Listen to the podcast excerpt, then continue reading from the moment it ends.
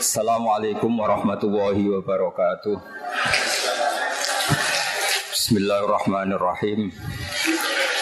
Alhamdulillahirabbil alamin wassalatu wassalamu ala asyrafil mursalin sayyidina Maulana Muhammadin wa ala alihi wa sahbihi asmain amma ba'du.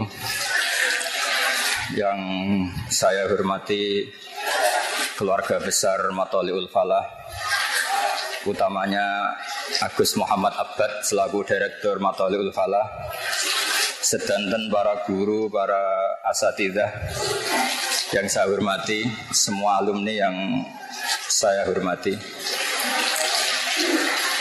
Alhamdulillah niki udan terus saya ini santai-santai mawon. Uh, kulo tak matur sekedap dulu di antara wasiat Hadratus Syekh Banafe kata beliau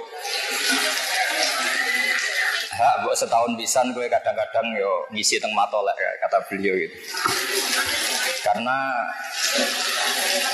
beliau juga yang sering cerita ke saya gue itu jadi dulurku kata gitu karena memang saya ini cucu kandung dari buyut saya namanya Hafsah. Hafsah itu orang Gamaran Kudus.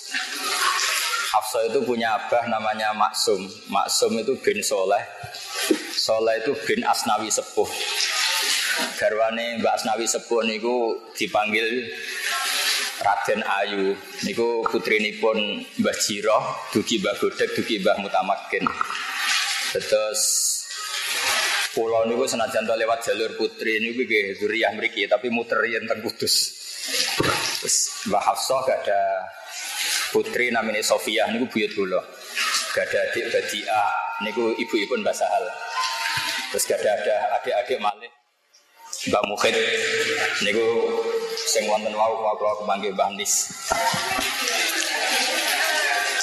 Uh, lebih dari semua itu adalah yang penting Kulo teng mriki matur karena ini acara khalma saya. Saya akan mengingatkan niki gaduh-gaduh bahasa Indonesia bahasa Jawa. Uh, Bapak kula niku riyen ngaos teng Kiai Zubaidi ngantos khatam terus mondok teng mriki teng Badolah. Sause Syuro. Badhe niku mondok teng Sarang menangi Bazubair kang sal tahun. Dari cerita tentang hajan yang paling saya kenang itu setunggal uh, beliau pernah didawi Badulah Bapak saya namanya Nur Salim. Nur di ono wali. Sholat tuh nganti sewu rokaat jadi ini kesempatan jenengan daftar di wali ini kudu nanti sholat sewu rokaat mungkin sing ngasih saya kulo KPU nya kulo nanti registrasinya tentang Gus Abad Gus Muhammad Abad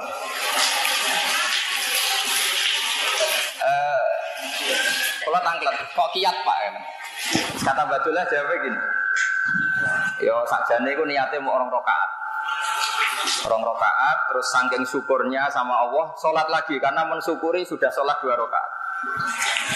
Setelah mensyukuri dua rokaat, setelah salam syukur lagi ditambahi dua rokaat. Syukur lagi, tahu-tahu sampai seribu rokaat. Kalau imut sangat nasihati bapak itu. Jadi seribu rokaat dari syukur. Isak kalau dalam bahasa tahu isak. Nah itu kalau saya ijazahkan ke jenengan itu mesti begini Seribu rokaat dibagi sekian menit terus disiasati supaya cepat Akhirnya kayak kasus terawih di Blitar itu 7 menit selesai Karena terus pikirannya 20 rokaat dibagi sekian berarti per rokaat sekian menit atau 0, sekian detik Selesai dalam berapa? 7 menit maka ijazah ini kalau jenengan yang melakukan tetap tidak wali karena inginnya seribu rokaat, kemudian disiasati, mangan se, ngopi se, terus cari waktu yang tepat, kemudian sholat. Itu beda dengan wali-wali dulu. Wali-wali dulu itu kalau sudah ibadah sama Allah, karena ini khalnya para wali termasuk utama nih pun Khalibah Ahmad Mutamakin. Saya tahu banyak tentang beliau karena saya termasuk orang meyakini versi Mbah Petamakin itu zuriyah dari Tuban. Ini ku Mbak Sari Bejagung. Jadi saya uh, tahu banyak karena bapak saya itu keluarga Mbak Sari. Jadi saya tahu banyak Mbak Mutamakin itu sebelum saya sering ke kajen. Itu sholatnya orang-orang dulu itu saking nikmatinya itu kalau mau ngakhiri itu bingung. Sampai saya Ali Zainal Abidin pernah sholat kemudian rumahnya terbakar. Sampai saking ekstrimnya itu ada kayu gitu, kayu balok itu jatuh ke beliau. Itu ya tetap asik diteruskan sholat. Ketika ditanya, apa engkau nggak merasakan itu? Kata beliau, saya sibuk menghadap Allah sehingga saya tidak terasa kalau sedang ada kebakaran. Sayyidina Umar radhiyallahu anhu itu pernah mengalami satu hal yang terkenal sekali yaitu beliau ditusuk sama Abu Lulu Al-Majusi. Alat yang dipakai nusuk itu kira-kira ya seperti pedang tapi bermata kayak anjing. Jadi kalau sudah masuk nariknya susah. Setiap dicoba ditarik itu sakitnya minta ampun. Tapi apa kata Sayyidina Umar? Gampang katanya. Nanti tarik ketika saya sholat. Beliau sholat sudah in, itu ditarik itu lam yatahar. Dia tidak gerak sama sekali karena nggak terasa. Nah, jenengan kita semua ini sholat cepat nyamuk saja gegernya ada. Jadi untuk daftar wali kayaknya kita masih jauh. Tapi ini pemanasan, pemanasan daftar apa? Wali. Karena saya juga sudah daftar, tapi ya belum tahu ini sudah masuk, belum tidak tahu. Tapi kita boleh GR syukuran dulu, menang kalah sementing syukuran dulu. Jadi ini mas mas Natif yang semangat ya. ya jadi menang kalah syukuran dulu. Kenapa saya cerita Babak Wali nanti insya Allah saya akan membawa dua tema yaitu Kitabul Wilayah dan uh, Wilayatul Fikhi. Karena kita tahu kajian dulu mulai dulu ya banyak yang ahli fikih juga banyak yang masyur bil wilayah. Dan saya termasuk orang yang diuntungkan lewat dua masrob besar ini. Yang perlu diketahui begini, sebetulnya wali-wali dulu jadi wali itu tidak harus wiridannya banyak atau ibadahnya banyak enggak, tapi karena rasa daud. Abu Yazid Al Bustami itu pernah punya murid itu min ahli ibadah. Dia tidak pernah tidak puasa. Kalau malam mesti jungkung. Setelah melakukan itu 40 tahun, tanya sama Abu Yazid, apa saya sudah wali? Kata Abu Yazid belum. Kok bisa ya? Saya memang belum mengalami kasus kata muridnya tadi. Kok ditanya, kenapa kok begitu? Kalau kamu mau saya ijazahi, nanti setelah itu pasti jadi wali. Ya. Terus, ya guru. Padahal ini ngaji ini 40 tahun, nggak pernah nggak puasa, nggak pernah nggak kiamul Setelah dijazahi kata gurunya gini, tapi kamu tidak akan kuat kata. Berapa? Satu saja, tapi kamu tidak akan kuat. Kata. Ya cobalah guru, nanti saya coba. Terus kata si Abu Yazid gini, lucu ijazahnya. Kamu ke pasar, rambut kamu potong gundul ke pasar, kemudian kamu bawa beberapa makanan, terus perlombakan ke anak-anak kecil, siapa yang bisa banting kamu dikasih hadiah. Oh, ada dia dia besar, makanya terus si murid tadi bilang Subhanallah. Abu Yazid malah marah. Kau luka subhanallah sirkun. Kamu mengatakan subhanallah itu sirkun. Kan? Sirik gitu. Padahal Abu Yazid tidak wahabi, tapi ini bahasa dulu ya. Terus kata kata muridnya kenapa? Li'annaka sabbah tanafsak wa adzab tanafsak. Karena kamu sebetulnya tidak pernah mensucikan Allah, tapi mensucikan diri kamu. Kamu merasa diri kamu itu nggak pantas melakukan itu. Terus kamu pura-pura soleh mengatakan, Subhanallah wa inna masabbahka nafsa kamu itu memuji diri kamu sendiri. Itu tidak pantas melakukan hal-hal seperti itu. Terus kata Abu Yazid Al Bistami, ya gara-gara itu kamu tidak akan pernah jadi wali katanya. Artinya apa? Ternyata ibadahnya dia 40 tahun itu hanya ingin jadi cari prestasi. Cari prestasi, ingin jadi wali, ingin jadi orang top. Artinya tidak karena Allah. Makanya ini penting ya, mungkin ini ilmu yang sudah jarang dibicarakan, tapi kita akan ngomong terus betapa pentingnya ikhlas. Dulu Mbak Maksum Lasem itu dulu juga pernah ngaji di Mbak Maksum Damaran di buyut saya itu. Itu pernah pas pertama Nia itu amin wiridan terus habis sholat wiridan habis sholat wiridan. Terus ditanya sama temannya, Sum, gue disik rata wiridan, dan saya wiridan. Perkara ini gue isen tuh didelok santri muakan, arah wiridan gak pantas. Kata beliau, iya pertama mergo isen, suwe-suwe lali ya. Lapas lali gue ikhlas. Makanya harus ada gerakan lali. Nah, lali gue ikhlas. Makanya saya ini termasuk orang yang anti pidato umum, tapi ada pengecualian 2% yaitu termasuk kajen sama kudus karena saya kalah sepuh. Jadi ini korban dibully ini sama Gus Mat sama keluarga kajen. Saya itu diundang pengajian umum jarang mau, termasuk diundang UIN beberapa kali saya juga gak mau. Karena saya memang tadi sudah daftar jadi wali tadi, meskipun saya tidak tahu keterima apa enggak. Tapi ini penting. Nah karena saya mulai kecil di sarang dan fakih saya fakih ala Bazuber karena sampai sekarang saya juga ngajar mahali sama anak-anak sarang. Saya ingin daftar wali lewat jalur fakih. Nah ini yang perlu saya bicarakan panjang lebar. Ini lebih ringan. Dalam kitab usul fikih yang dikarang Zakaria Al Ansori namanya Lubul Usul, kemudian disarai bahasa hal namanya Torikotul Usul. Itu beliau mengutip Zakaria Al-Ansori, kemudian dibenarkan semua surah, semua penyarahnya. Jadi wali itu gampang kata. Yaitu ketika hukum fikih itu kan ada lima, kira-kira gitu ya, halal, haram, wajib, sunat, makruh. Makruh itu ikutkan mubah saja. Kata saya Zakaria Al-Ansori, beliau cerita begini, sebetulnya mubah itu tidak ada. Mubah itu tidak ada karena yang dikatakan mubah itu boleh iya boleh tidak. Jadi dilakukan ya gak dapat pahala ditinggalkan juga gak mendapat apa? Dosa. Teori itu dikritik oleh beberapa ulama alasannya itma min mubahin ilawaya tahak bihi tarku haramimma Fail jamu minasukun tarkul kotli wa minasukut tarkul hibah karena tidak ada sesuatu yang mubah kecuali saat itu pasti ada haram yang ditinggalkan. Orang tidur artinya dia ada zina, tidak maling, tidak korupsi. Orang jagongan misalnya saya guyon sama Mas Nadif lumayan daripada dugem di kafe mendingan jagongan sama Mas Nadif. Meskipun tadi ngomongnya saru-saru kata beliau tadi katanya tapi saru saru coro kiai tapi gak saru coro orang awam. Sehingga kiai-kiai itu setahu saya tuh ya sering jagungan. Bangun sekenal saya ya jagungan terus. Saya dulu ya iskal. Bangun kalau ketemu basal ya guyon, betul-betulokan. Ini nggak bisa dikatakan omongan yang tidak penting itu enggak. Karena dari keasikan itu ada sekian haram yang ditinggalkan.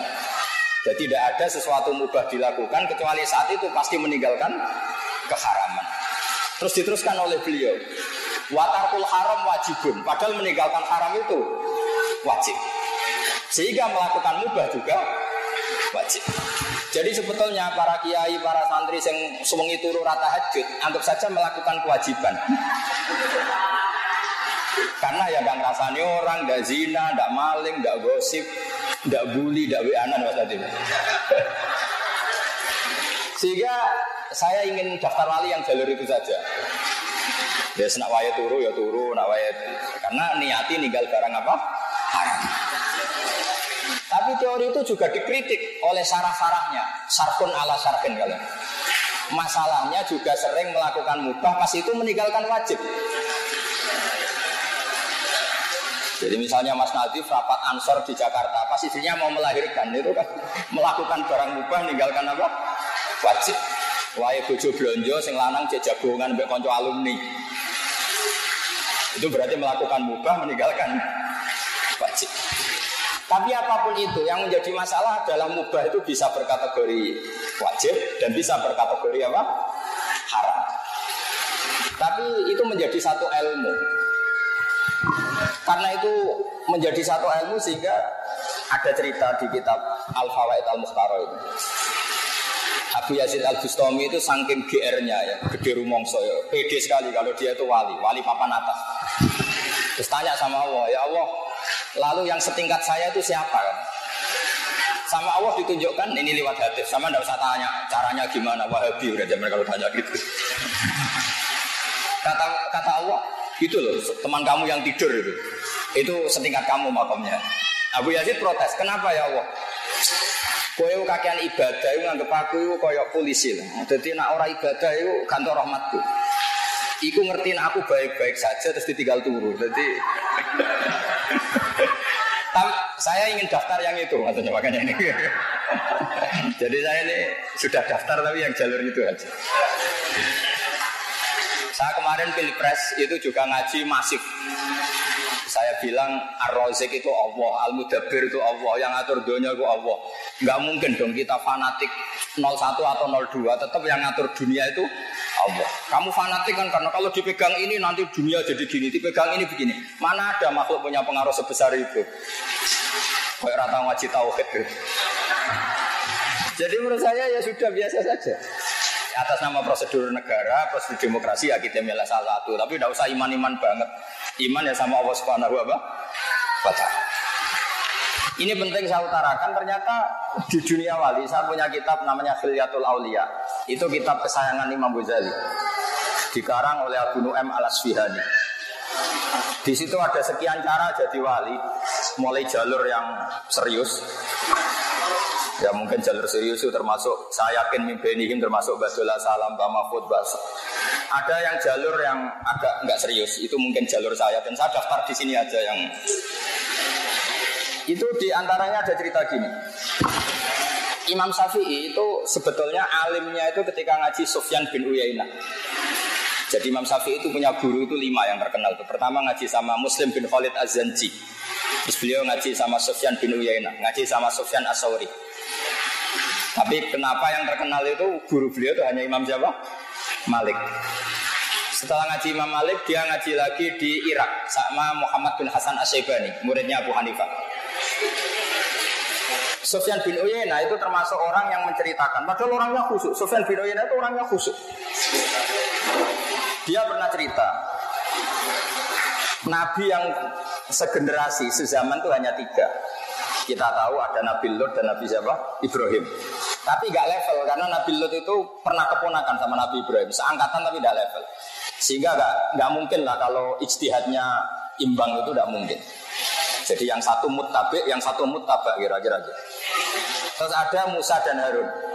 Ini Harun juga nggak mungkin melawan Musa karena dia jadi nabi itu atas proposalnya Nabi Musa. Sebenarnya Harun itu udah pakat nabi.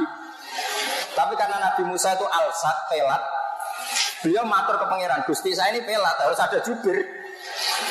Jadi bukan Mbak Lim yang punya jubir dulu, Nabi Musa juga punya jubir.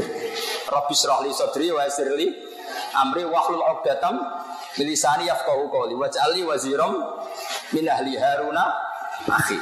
Ada sebagian ayat yang lebih jelas.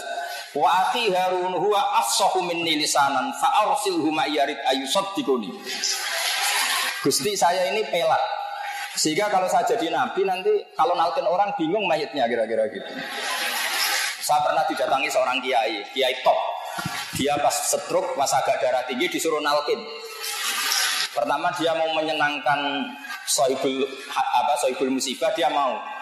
Terus tak dan jenengan nalkin biung jenengan pelat kabeh. Mau mayite bingung. Sudah pelo, sudah pelo terus. Bagus kalau dongo mawon sakit mayite. Singkat cerita Nabi Musa dan Harun itu seangkatan, tapi Nabi Musa nggak mungkin dilawan Nabi Harun karena jadinya Nabi Harun itu karena proposal Nabi siapa? Musa. Ya kira-kira kalau Mas Nadif jadi menteri proposalnya Ma'ruf Amin kira-kira gitu. enggak, enggak, enggak mau dia. Mau jadi wali aja. Ya, ya, jadi nanti tak daftarkan gitu. Tapi yang lewat tadi amatir saja yang amatir. Siap, siap, yang amatir aja. Dulu itu lawan debat saya. Dulu kalau musyawarah fikih, kajian wakilnya dia, wakilnya sarang saya. Karena saya hormat Mbak Sahal, dia kalau ngomong sekenanya tidak saya bantah. Makanya saya dendam sekarang ini ngomong saya pegang mic. Dulu gaya dia. Karena Mbak Dola terkenal wali, dia mantunya Mbak Nafek terus, terus terkenal kalau mau jadi mantunya Mbak Nafek. Jadi saya keteror ini jadi menantu Mbak saya. Jadi terus ya sudah diam dia ngomong sekenanya ya sudah bisa seperti Nah sekarang itu saatnya balas dendam Terus kemudian ada nabi yang seangkatan yang memang kualitasnya sama, kedekatannya sama Allah sama, mazaya wal al mazaya wal fadlnya juga sama, yaitu Isa dan Yahya. Nabi Isa kita tahu mulai kecil ya sudah bisa ngendikan wa yukallimun nasa fil mahdi apa? Wa Nabi Yahya juga kata Allah ya Yahya khudil kita babi kuwah wa atainaul hukma sobiya. Tapi apa yang terjadi? Karena seangkatan, selevel, sama-sama masih muda. Itu kalau Nabi Yahya dan Isa ketemu, ketemu di salah satu kampung binaan. Itu kalau Nabi Isa tanya gini, e, di sini yang rumahnya orang-orang fasik siapa ya? Yang masih narkoba, masih dugem, masih sakau, rumahnya mana ya? Kalau Nabi Yahya tanyanya enggak, di sini yang rumahnya Pak Yahya, yang orang-orang soleh mana ya? Ini yang cerita Sofyan bin Uyainah dalam kitab Khilyatul Aulia atau Bakatul Asfiya. Sehingga saya jamin semua kitab yang semua cerita yang ada di Ihya tentang mana kibul akhyar itu Imam Ghazali ngambil dari kitab apa Khilyatul Aulia sekitar 14 juz. Kalau di di kitab saya ada 14 juz. Mungkin kalau di Mas Nadif hanya satu karena dia malas beli terus pakai apa itu? Maktab apa? Samila. Gratis ya? Yes. Masalah itu menurut saya. kalau saya enggak kita betul ngomong kita betul jadi. Itu akhirnya dibukalah satu dialog Kata Nabi Yahya, Kenapa kamu tanya rumahnya orang-orang buruk? Aina sirorun nas. Kenapa kamu selalu tanya aina sirorun nas? Mana orang-orang buruk? Nabi Isa nggak mau jawab, terus tanya. Lah kenapa juga kamu tanya aina khiyarun nas? Di mana rumahnya orang-orang baik? Nabi Yahya jawab, ya enak lah ketemu orang-orang baik, gitu. nyaman, terus barokah ya. Pokoknya enak lah ketemu orang-orang soleh itu enak. Terus apa jawabannya Nabi Isa? Ana nabiyun biman zilati tobik Udawil mardo Jenenge nabi kaya dokter. Dokter nanti gue golek daerah endemik penyakit. Dokter kok golek wong waras apa-apanan gitu. Ya kira-kira seperti itu. Makanya terus di NU banyak keijadab ya payu gitu kira-kira gitu. Mungkin Mas Nadif daftar gak? Eh, jadi itu macam-macam. Makanya di NU itu ono kiai mau kancanan fasek tok ya payu, kancanan orang soleh tok ya payu karena memang Nabi Dawuh al ulama warasatul ambiya dan itu semua teks hadis uniknya ada ada yang kata-kata al ulama warosati nggak ada tapi al ulama warasatul ambiya sehingga semua watak para nabi dulu itu terwakili oleh ulama-ulamanya Rasulullah Shallallahu Alaihi Wasallam. Sampai sebagian riwayat disebutkan ulama umati kaambia ibani Israel. Sebagian riwayat ka, ka ibani Israel. Kita tahu ketika Asro Badrin, tawanan perang Badar, Rasulullah tanya, ini diapakan? Kata Abu Bakar, hum asyirotuka, itu keluarga kamu ya Rasulullah. Maafkan saja. Kalau terpaksa ya ambil tidak. Ambil tebusan. Jangan bunuh, mereka keluarga kamu ya Rasulullah. Ketika tanya Umar ini diapakan? Itu kan orang-orang yang ingin membunuh kamu, ingin mengusir kamu. Sekarang ketangkep ya bunuh. Kok repot kata Umar. Apa kata Rasulullah? Masaluka ya Abu Bakrin ka masali Ibrahim Iskola faman tabi'ani fa innahu minni wa man asani fa innaka ghafurur rahim. Wa masaluka ya Umar ka masalim Nuh Iskola rabbi la tazar alal ardi minal kafirina daya. Nah saya nggak tahu yang Mas Nadim itu kayak Nabi siapa itu saya belum tahu. Khidir ya? Apa Nabi Daniel? Jadi ini penting saya ceritakan supaya mana hijud dakwah. Nabi yang jadi raja juga banyak, Nabi Dawud, Nabi Sulaiman. Jadi kalau ada kiai jadi wakil presiden ya tidak aneh gitu. Ya biasa saja itu. Nabi yang nggak suka uang, yang nggak ulama yang nggak suka uang juga nggak punya uang dulu ya banyak. Terus yang nggak jelas ya agak kaya, agak miskin ya banyak. Yang istrinya banyak ya nggak usah diteruskan sensitif itu wilayahnya. Tapi yang penting saya utarakan di sini adalah khazanah ini tidak boleh hilang. Sehingga ketika Nabi Isa bilang ana nabiyun biman zilatit tobib udawil mardo. Ya, kita tahu zaman kita ngaji mardo itu jamaknya marid. Karena masyur itu kan fa'la liwasfin kokotilin wazamin jadi maridin mardo halikin halka. Sehingga itu jadi manhat besar. Saya punya kitab namanya Hayatus Sohaba. Di situ hanya ada cerita justru saat Nabi membina orang-orang fasik. Termasuk ini cerita di Hayatus Sahabah. Nabi pernah duduk di depan itu. Nabi itu dahar. Eh, Nabi itu unik. Kalau dahar memang dipertontonkan ke orang banyak. Dan daharnya itu tidak priayi. Cara ukuran priayi Arab itu tidak priayi. Ketika ada mumisah liwat, nggak usah diterjemah mumisah itu apa, karena ya sudahlah kira-kira sendiri maknanya. Muradisnya itu bahagia. Kalau terjemahan Indonesia tidak tahu saya. Pokoknya mumisah itu Ya saya Mumisa itu bahagia. Uh, dulu kalau zaman Pak Harmoko bahasanya bagus wanita harapan. Ya, ya dulu kan pernah mau diperhalus dengan uh, ketika lewat dikomentari gini. Orang gitu kok ngaku nabi, ya aku lu kama ya kulul abdu. Dia makan nggak priayi kayak budak. Tapi apa kata Rasulullah? Oh iya, saya memang budak terbaik. Tentu maksudnya Nabi itu budaknya Allah. Lalu salah saya apa lagi? Ya salah lah, makan tidak tawa-tawa gitu. Terus kata Nabi, ini ada di kitab Hayatus Sahabat di juz 1. Tapi di Maktabah Sambil ada ada juznya ya. Ya, repot. Kata Nabi, ya ya sini silahkan makan, tak kasih. Oh enggak saya, saya maunya yang sudah kamu kunyah. Maunya yang sudah kamu kunyah. Sama Nabi dikasih.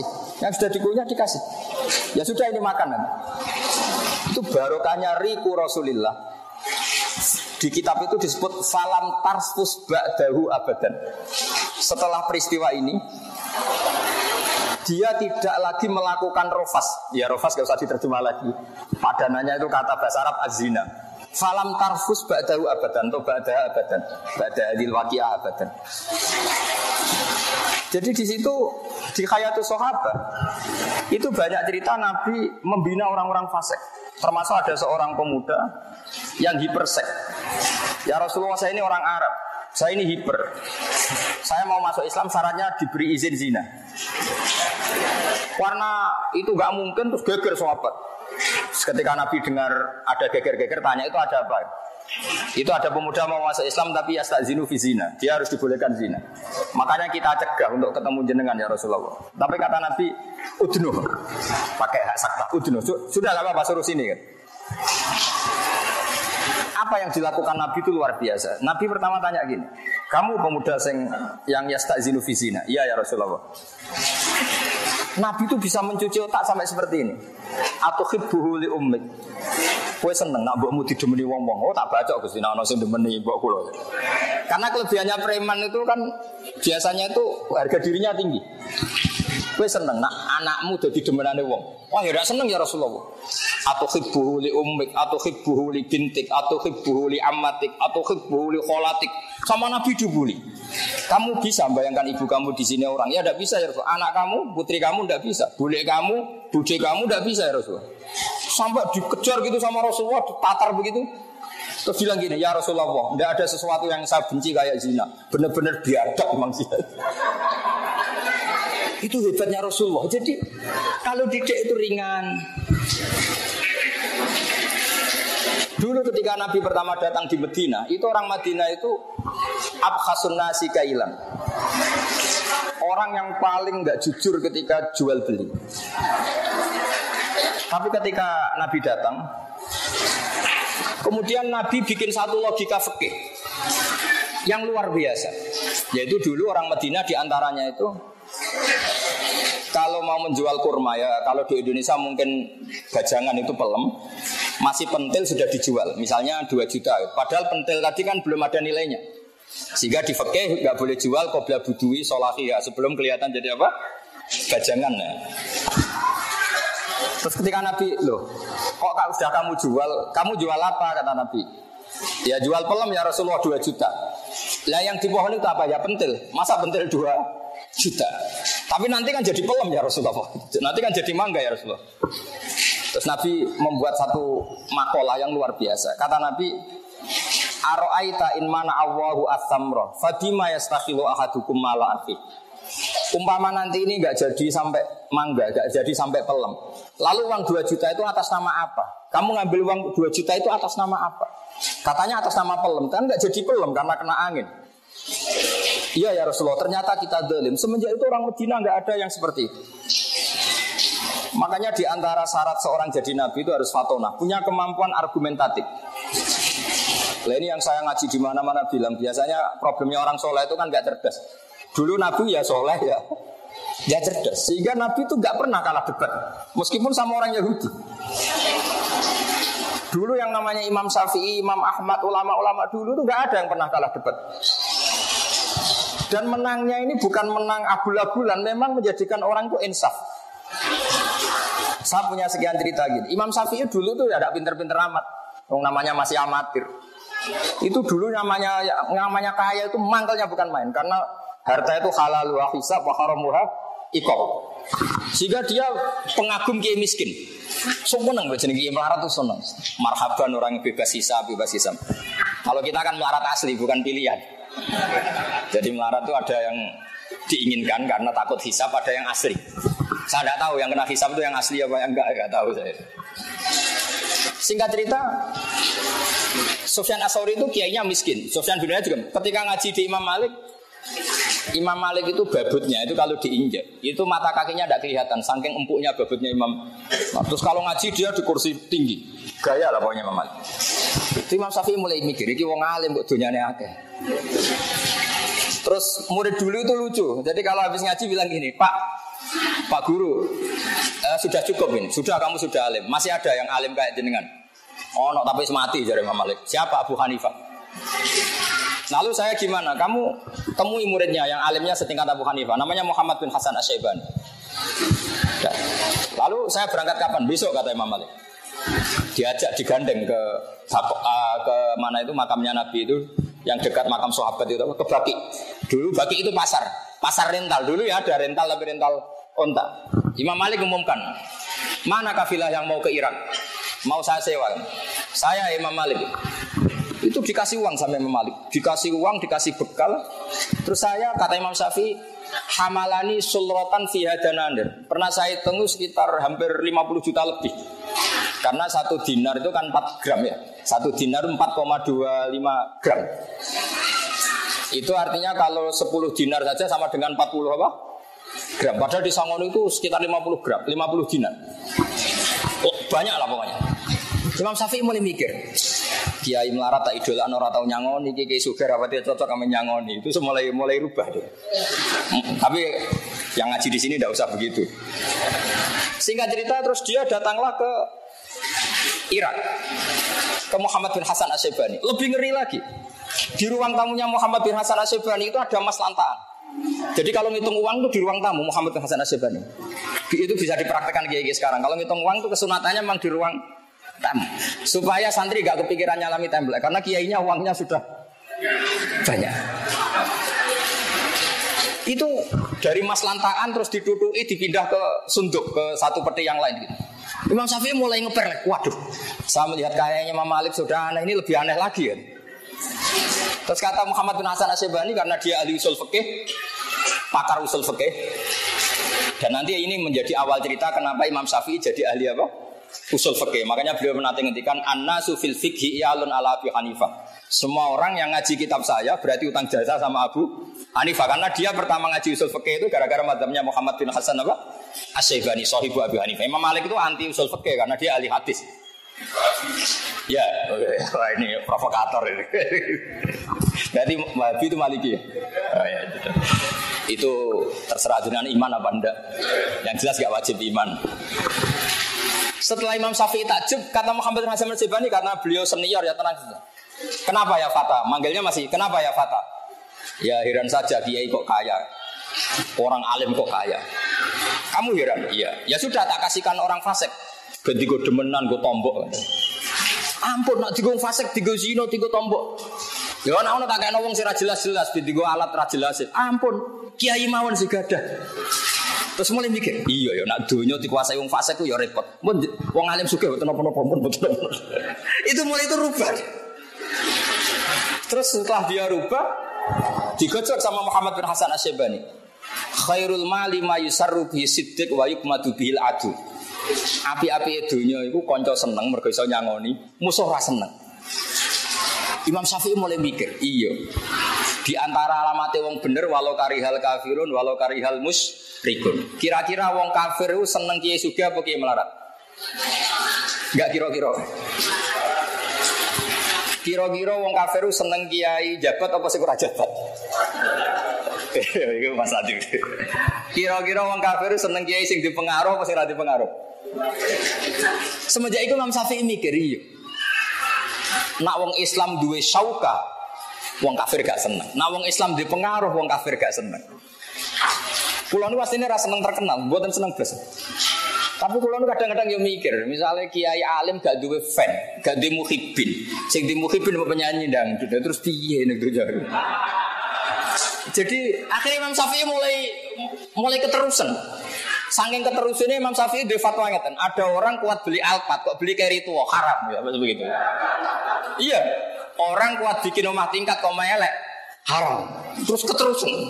Masyur madhab Syafi'i al Islam ya lu ala jolale sampai kafir dimi kok naik kuda. Orang Islam nggak boleh naik khimar, harus di atasnya kafir dimi. Itu korban didikan Muhammad bin Hasan siapa? Asyibadi. Sehingga Imam Syafi'i itu terus mulai ngarang usul. Ngarang kitab usul. Saya punya kitab pertama yang dikarang Imam Syafi'i namanya Ar-Risalah. Saya punya kitab Al-Um. Semenjak itu Imam Syafi'i itu jadi Al-Usuli. Kemudian keahlian beliau diwarisi Imam Ghazali. Setelah itu ya, setelah itu jauh, beliau ngarang Al-Mustaswa. Terus di Raja Karel Ansori dikaranglah kitab Lubul Usul. Itu di antara yang disarai bahasa ahli Torikotul Usul itu. Disarai Mbak Mahfud Nailul Makmul tadi. Terus era macam-macam. Sampai sekarang kalau di Mesir siapa? Wah, yang ahli siapa? Khalaf itu. Yang ahli usul fikih Wahbah Zuhairi siapa siapa itu? Wahab Khalaf siapa? Iya. Zahra Abu Zahra dan sebagainya. Nah, makanya di Matola ini luar biasa menurut saya. Didian wali ya jalan karena wali itu penting. Karena kalau tidak ada wali terlalu usuli, orang liberal itu ya korban apa? Usuli. Tapi orang tidak bisa usul udah digobloknya ya karu-karuan. Sehingga ada cerita santri sering naboi ibu joni. Naboi itu memukul pakai tangan itu bahasa Jawa apa? Naboi. Secara definisi naboi itu mukul pakai tangan. E, istrinya lapor sama Pak Yai, alumni jenengan itu keras sama saya, sering naboi saya. Terus dipanggil, hei alumni, kamu jangan pernah naboi istri kamu. Selang sekian bulan istrinya lapor, sekarang nyadui Pak Kiai. Karena santrinya nggak ngerti usul fikih yang diharamkan guru saya kan nabui. Kalau nyadui kan enggak. Nah, ini korban nas. Itu wahabi nanti korban apa? Tekstual itu. Tekstual. Tanpa ada ilmu usul fikih itu udah bisa. Makanya harus dirunut. Nabui, ilatul hukmi itu apa? Ida. Oh, nak ida berarti yukosu alaihi nyadui, ngidoni. Termasuk yukolo apa yukosu alaihi gak ngrumat itu ya loro tenan marat itu ya loro tenan. Nah sehingga apa yang terjadi begini? Ini senam usul fikih sebagai bentuk penghormatan saya sama Mbak Sahal. Ini ada seorang Arabi datang ke Rasulullah, ya Rasulullah ahlak tuh. Kala wa ma ahlaka kakol wa tu imroati fina hari Ramadan. Kata Nabi, ya sudah aktik rokobatan. Wah saya tidak mampu. Sum sahro ini mutatabian, saya tidak mampu. Ya atim sitina miskinan macam-macam. Ya Rasulullah saya ini kecelakaan. Kecelakaan apa? Saya bergaul intim sama istri saya fina hari Ramadan. Terus kata Nabi, ya sudah kamu harus bayar kafaroh yaitu merdekakan budak atau puasa dua bulan berturut-turut. Terus kata pemuda tadi, ya Rasulullah, Puasa dua bulan, kemarin baru lima hari aja kecelakaan gitu, kepala disuruh. Puasa berapa? Dua bulan. Nah ini problem usul fikihnya begini. Ada ulama yang mengatakan hukuman seperti itu hanya diberikan pada orang yang menjima istrinya fina hari Ramadan. Itu juga satu pendapat yang bisa salah bisa benar karena masalah ijtihadiyah. Tapi banyak ulama uniknya yang pendapat ini Imam Malik, orang yang anti usul fikih. Kata Imam Malik, misalnya jam 9 ya, kalau saya atau Mas Nadir terus mangan mie. Kenapa mangan mie? Kepengen naik. Itu cara Imam Malik hukumannya sama dengan jima istrinya fina hari Ramadan karena sama-sama hakku hormati Ramadan min udrin syar'iyyin. Karena sama-sama melecehkan Ramadan tanpa udur syar'i. Sehingga lo jima itu tidak zina lo perlu dicatat. Jima istrinya itu zina apa enggak? Enggak kan? Berarti statusnya apa? Mubah kan? Kalau zin apa ngumpuli istri statusnya mubah kena hukuman berarti makan mie atau makan sate juga kena hukuman. Ini kangkang itu kadang-kadang itu saya naik dewi muka mentang-mentang nyaure mau apa? Sedino. Itu salah besar itu bahaya itu. Cara madhab maliki. Alhamdulillah kita madhab syafi'i. Jadi uniknya ulama itu gitu. Imam Malik nganggo wali ini, nganggo wali ini oh seorang pantas Ramadan Ramadan kok mangan tanpa udur. Imam Syafi'i sing ahli usul fikih gak ngaku usul fikih. Kata beliau, hukuman tuh layu kau soal. Jadi gak boleh dikiaskan kalau hukumannya tentang jima finari Ramadan ya jima saja, yang lainnya enggak. Tapi cara sampean jadi malaikat sing jogo ketertiban puasa. Kira-kira dukung Imam Malik apa Imam Syafi'i? Mangkel gak misalnya ada orang jam 9 terus nyate di pati sewante tamu itu. Dukung siapa? Malik. Jadi wali itu ya aneh. Padahal dia anti usul fikih. Imam Malik itu anti usul fikih. Tapi dia pakai sentimen walinya. Pakai sentimen walinya, pakai hira walinya. Surah pantes. Mau tanpa uzur kok. Makanya ini jadi masalah fikih yang sampai sekarang. Jadi makanya khazanah seperti ini di matolek gak boleh hilang. Semua mukoror di matolek di MGS itu sama. Usul fikih ya diajarkan, fikih mateng ya diajarkan, tareh ya diajarkan. Karena ini penting karena secara apa ya? Logika-logika yang dibangun para nabi itu kata Rasulullah al ulama warasatul apa? Ambiya saya ngaji di mana-mana sering cerita. Sayyid Abdul Al Haddad itu kalau ada orang sowan ditanya kamu ngaji siapa? ya Misalnya ngaji sama Mas Nadif Pernah nangis gak kalau pas ngajar? Enggak pernah katanya. Buyudok, bujondok. Itu kata lereni ngaji sama kiai seperti itu. Hatinya atos reso nangis itu.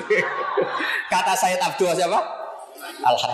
Tapi kalau Abdul Hasan Asadili kebalikannya. Kalau tanya, gue ngaji besok sopo sama kiai ini. Kalau ngaji pernah guyu enggak? Enggak pernah, nangis terus. Lereni ngaji sama kiai seperti itu. Wong ora iso syukur. itu masyur. Nah saya ya agak sadili dalam dalam seperti itu. Karena itu adalah cerminan perdebatan Yahya dan Isa. Yahya itu orangnya happy. Isa itu panik. Digojlok. Mali aroka abisan ka annaka taknatu min rahmatillah. Wong kamen merengut wae, kaya wong putus asa sangka rahmate Allah. Nabi Isa balik gojlok. Mali aroka aminan ka annaka ta'manu min makrillah katanya. Jadi dua gejolokan besar ini tercermin di perilaku para apa? Kiai.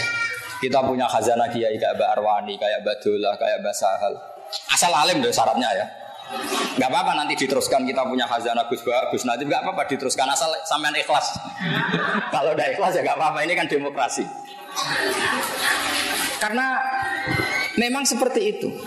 Wa annahu wa abhaka wa abka.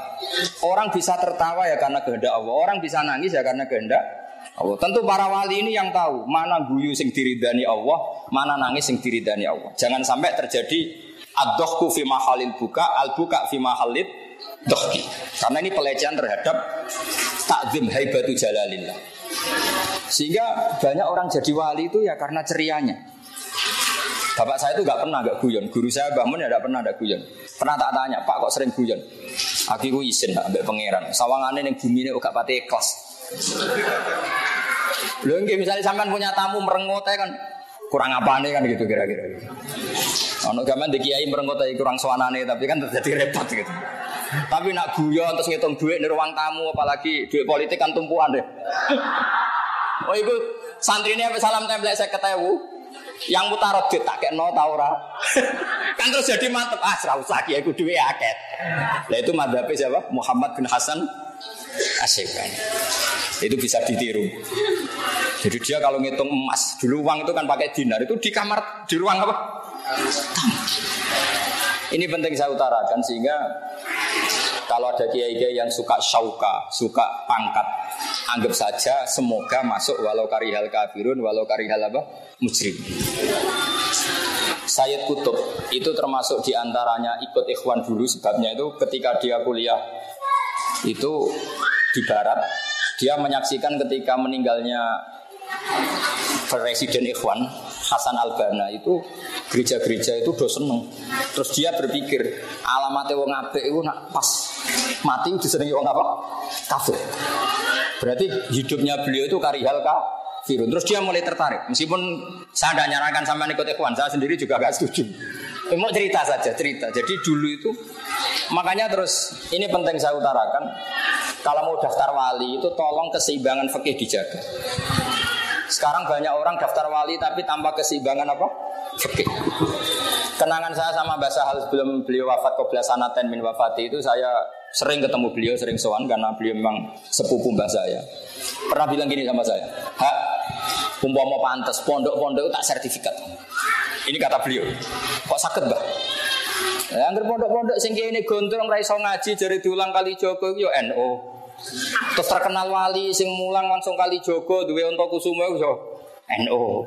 Engko kadang yo rapati salat iku ya afiliasine NU. Apa tak sertifikat? Angger gak mulang takrib ora kiai kata beliau gitu. Aku bilang gini loh, jenengan kan roh Islam kan tinggal bikin pelaturan. Aku kiai ra pantes kata kata beliau gitu. Artinya gini, resiko tradisi NU itu kan macam-macam. Kata Bamun gini, kalau kata Bamun lebih lebih ekstrim lagi. Wali ku raiso ngaji ora. Wali ngono-ngono iku raiso ngaji. Dadi nak bodoni konangan. Ini kata Bamun. Kok sakit ya? Lah iya. Jumatan ning Indonesia setengah siji ditakoki, "Mbah kok ora Jumatan?" Aku wis Jumatan ning Mekah. Ada kata wis. Jumatan ning Mekah. Lah setengah siji ning Mekah cek setengah sepuluh. Sudah sih cek turu. Jadi ku wali wali amatir, bodoni tapi ra ilmiah. Lah yo setengah siji berjumatan takok ibah kok buatan jumatan mbak. Aku jumatan yang Mekah dong. Kata-katanya wis. Kira-kira setengah siji di Mekah jam berapa? Setengah delapan ya? Iku sudah sih ngantuk. Tapi dia bilang wis. Mestinya nak wali ini rodok pelajar ini. Orang cong engkau aku jumatan yang Mekah, rodok maju. Tapi wis kadung keliru, mungkin wis. Mungkin enggak setengah satu wis jumatan yang Mekah. Enggak mungkin kan karena belum masuk waktu apa? Jumat karena kita terpaut berapa? Empat jam. Makanya ini penting saya utarakan sehingga tradisi hajian karena dulu ya mas saya kajian banyak yang ngaji di sarang juga beberapa mas saya sarang ngaji di kajian karena mulai dulu adat dia itu silang-silang makanya ini harus kita jaga fakih ya kita jaga ilmu wali ya kita jaga nah, nasihat kedua dari Badola yang dikenang bapak itu begini Nur jadi wong pilihannya mau loro tok. Jadi wali itu sering ngurungokno radio zaman itu memang informasi itu radio. Artinya nak rawali itu banyak apa informasi nak wali kan nganggo insting karena pakai kasufnya makanya figur Imam Malik dan Imam Syafi'i ini jadi figur yang unik. Imam Syafi'i itu usuli. Tapi kadang lebih usuli Imam Malik. Kayak tadi masalah hadku hormati Ramadan. Sampai nggak bisa bilang gini, Wajar Gus dihukum seperti itu karena jima. Jima itu seru, maka hukumannya berat. Loh ini jima istrinya statusnya kan mubah. Mubah apa enggak? Mubah, bahkan bisa saja sunat. Bisa saja wajib kalau kamu takut zi, zina. Kalau mubah kena hukuman berarti makan fina hari Ramadan yang min huiri udrin syariyin juga harus kena hukuman. Jadi memang madhab itu unik. Sehingga kita harus bangga dengan madzhabul arba. Dulu saya pernah ditanya, Gus kalau orang-orang kampung pakai batu bata, ter materinya dari najis gimana? Ya gak apa-apa kata saya. Itu dimuin dikritik sampai gak boleh dipakai karena majun bisirjin, kena telepon. Tapi cara Abu Hanifah madhabnya lucu Abu Hanifah itu.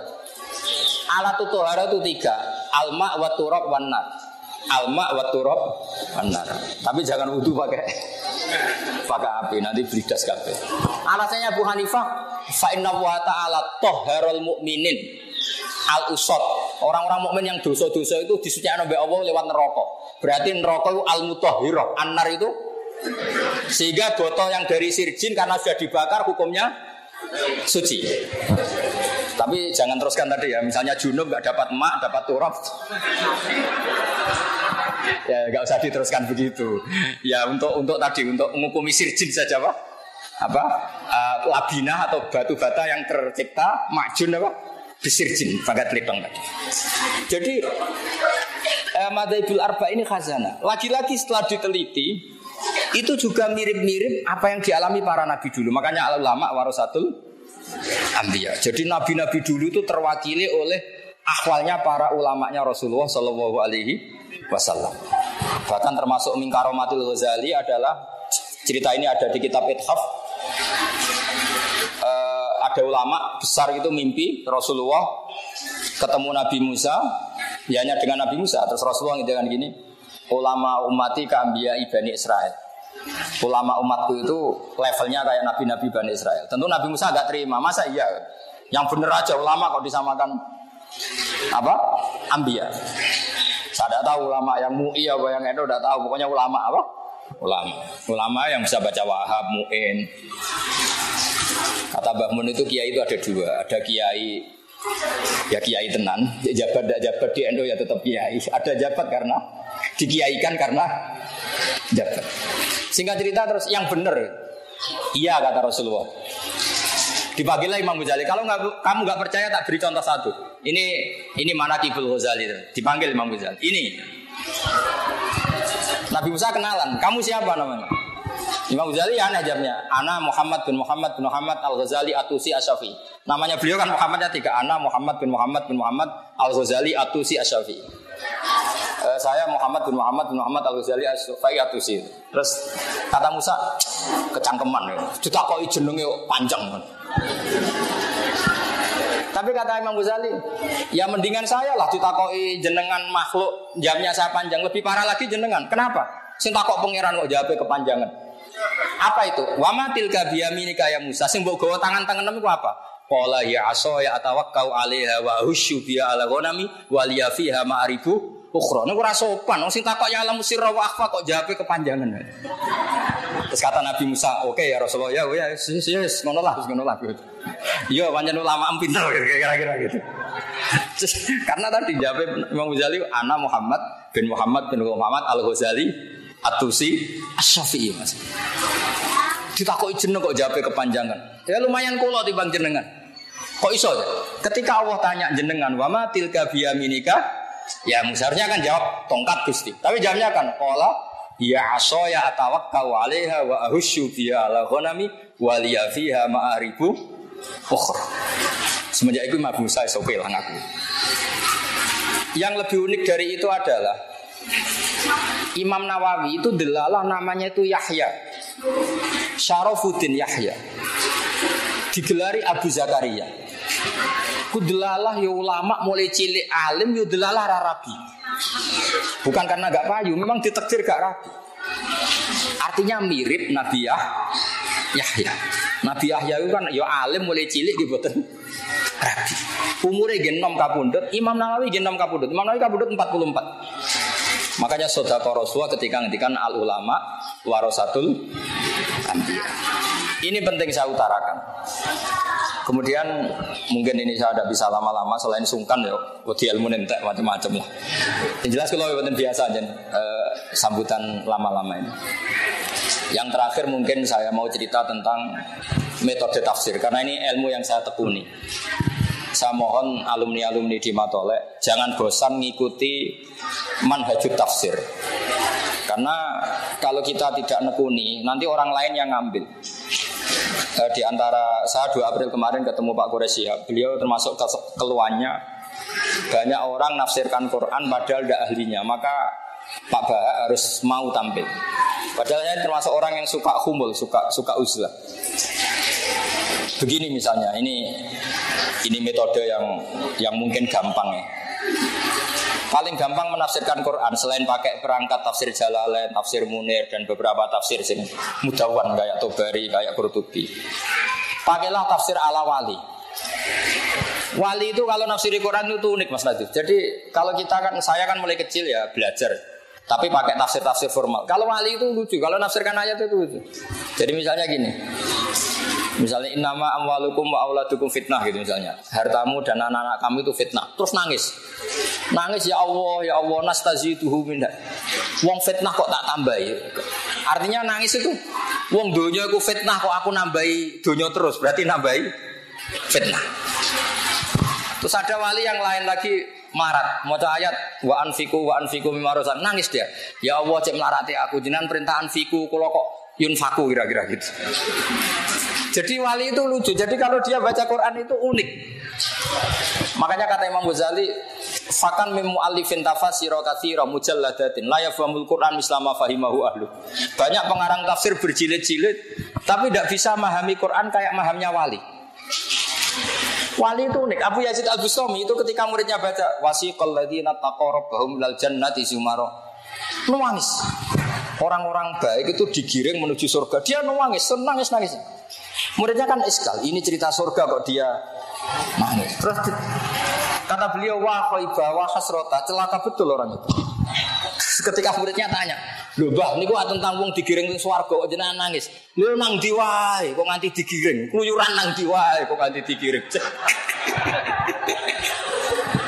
Makanya kalau di kitab hikam itu ajiba buka min qaumin yusaquna ilal jannah bis salasin. Wong dijak apik kok ngenteni Disalasil apa? Makanya nggak usah diterjemah ini kan alim semua harus gitu gitu aja.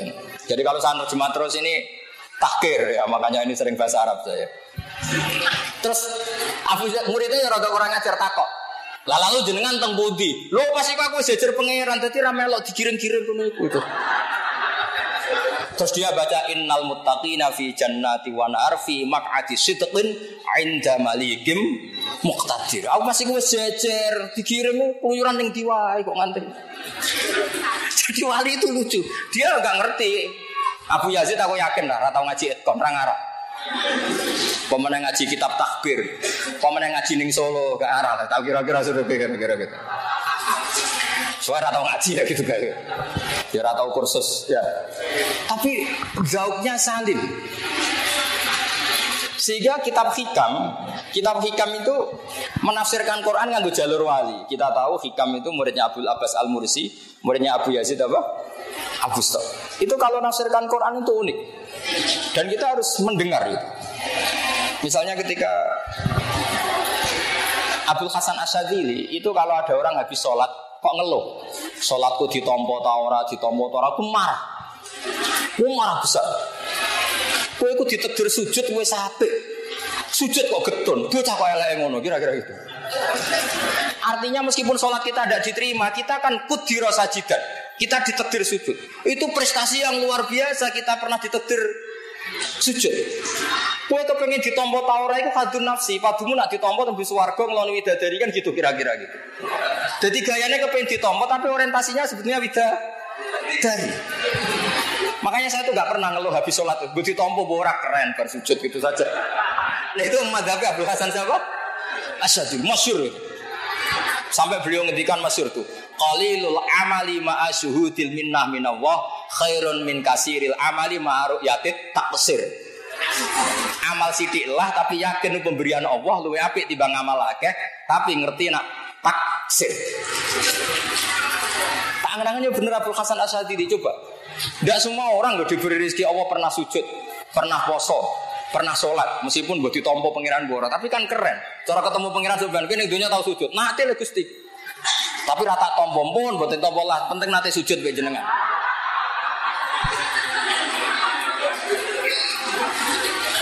Makanya masyur Nah itu oleh hikam diulang-ulang. Kafal amilina jazaan an kalaka ahlam diulang-ulang. Cukup kamu sebagai orang pernah sholat, pernah saum. Yang penting ke ditegir ngelakoni. Kira rasa bakas ditompo tora. Ditegir pernah melakukan itu satu hal yang luar biasa. Kok tidak keren gimana? Kita pernah ngaji wahab, ngaji jalalen, khatam matolek, keren. Jadi kita orang serap penting. Sementara ono hadis tolabul ilmi faridotun pun tamat matolek. Wes, golek ilmu berdoain pun nanti ramugah barang kalau Tadi sokoke aman. Kulo mulang nggih ngoten, kulo ya ora roh ikhlas ta ora ya ora roh. Sementing nek ana hadis wong wajib mulang. Pun nanti Gusti bolak-balik kulo mulang. Nah, ini yang terakhir saya tutup. kenangannya Mbak Nafek. Dulu Mbak Nafek itu madura di sarang disuruh ngajar, sama Batula disuruh boyong. Mongkon gula ilmu malah kon mulang gitu kata. Tapi uniknya Batula ketika beliau sudah di dalam, akhirnya Mbak Nafek itu disuruh ngajar. Ketika ya ada kiai lain yang nasihati, kulo tapi wedi salah. Jawab kiai tadi, wedi salah koyok nabi wae. Orang nabi salah biasa. Ini penting. Jadi sebetulnya orang nggak mulang takut salah itu keangkuhan. Berarti dia ingin ilah darujatin nubuah. Mulane kalau mulang tuh betul pede salah Allah orang nabi wae. Nah itu madamnya Abdul Hasan apa? Asyadili. Jadi ini penting sekali. Jadi ya sudah pokoknya seperti itu. Ya, mohon maaf. Assalamualaikum warahmatullahi wabarakatuh.